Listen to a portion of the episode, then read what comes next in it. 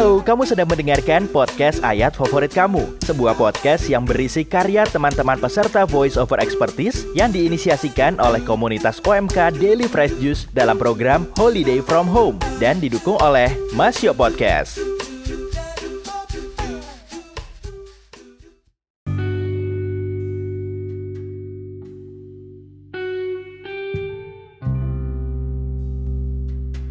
Hai, how is going? Aku Caca, member DFJ Fellowship 18. Kata orang, tak kenal maka tak sayang. Yah, tapi kenal aja belum tentu sayang. Eh, gimana? So kenalin, nama lengkapku Katarina Andri Surani. Berumur 26 tahun, dan saat ini aku stay di kota yang paling istimewa yaitu Yogyakarta. Dan di sini aku mau berbagi kisah kasih di sekolah. no, no. Um, so, sebagai pengikut Kristus, kamu pasti punya ayat emas atau ayat favorit, bukan? Nah, aku punya satu ayat yang jadi favoritku nih, guys. Ayat ini diambil dari surat Rasul Petrus yang pertama kepada orang-orang pendatang yang tersebar di Pontus, Galatia, Kapadokia, Asia Kecil, dan Bitinia yaitu 1 Petrus bab 5 ayat 7. Penasaran kan? Kenapa bisa suka ayat itu? Jadi, dulu waktu aku masih kecil, umur sekitar SD, aku sering dianggap remeh oleh beberapa orang di sekitarku. Terutama karena fisik tubuhku yang kecil. Ada yang bilang, gizi buruk nih. Gak pernah dikasih makan sama orang tuanya apa? Intinya, banyak stigma negatif yang membuatku menjadi suka cemas. Sebenarnya nggak hanya fisik, kalau misalnya aku gagal atau tidak sempurna dalam melakukan sesuatu, itu akan ada pandangan sinis atau cacian bahkan. Namun, ibuku selalu menguatkanku. Dia pernah bilang begini, Mama punya ayat emas nih mbak, 1 Petrus bab 5 ayat 7.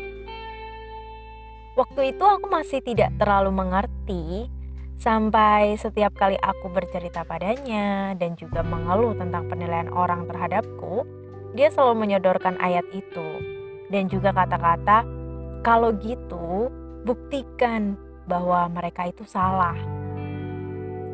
Ada suatu kejadian nih, di mana aku cemas dan juga takut kalau tidak lolos naik siar.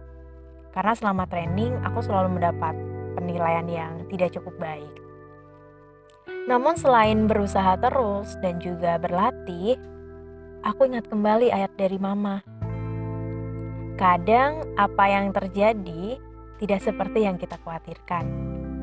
Dalam hidup ini, kita pasti akan selalu memiliki rasa takut dan juga khawatir.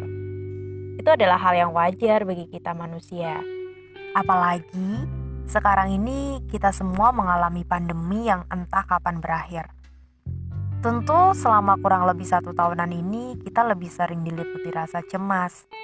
Bahkan bertanya-tanya, kapan virus corona ini hilang? Kapan bisa bebas lagi liburan?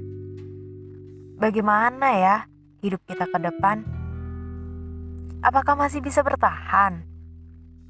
Banyak pergumulan yang kita hadapi Rasa takut pun sering muncul, apalagi ketika teman dekat kita ada yang positif.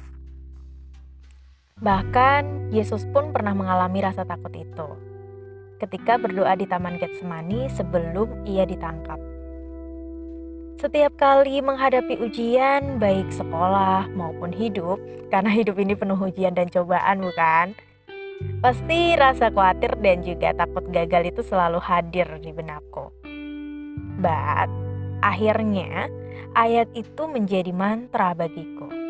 Karena setiap kali aku cemas, khawatir, dan juga insecure, dalam batinku aku berucap, Serahkanlah segala kekhawatiranmu kepadanya, sebab ia yang memelihara kamu.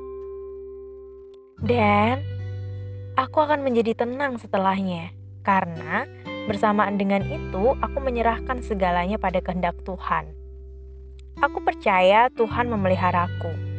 sehingga aku tidak akan mendapatkan hal buruk.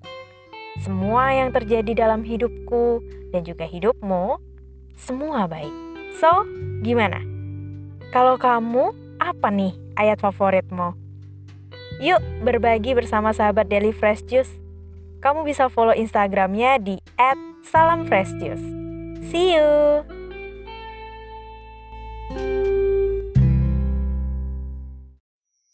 Hai, buat kamu yang lagi dengerin podcast ini, yuk semangat dan saling dukung. Kita sedang gak baik-baik aja. Ada virus yang menghantui kita dan orang-orang tercinta. Jaga kesehatan selalu ya. Hidup yang bersih, mencuci tangan, menjaga jarak, dan selalu menggunakan masker. Mari berjuang bersama supaya kita bisa terbebas dari pandemi ini. Pesan ini disampaikan oleh Masio Podcast untuk mendukung Indonesia terbebas dari pandemi COVID-19.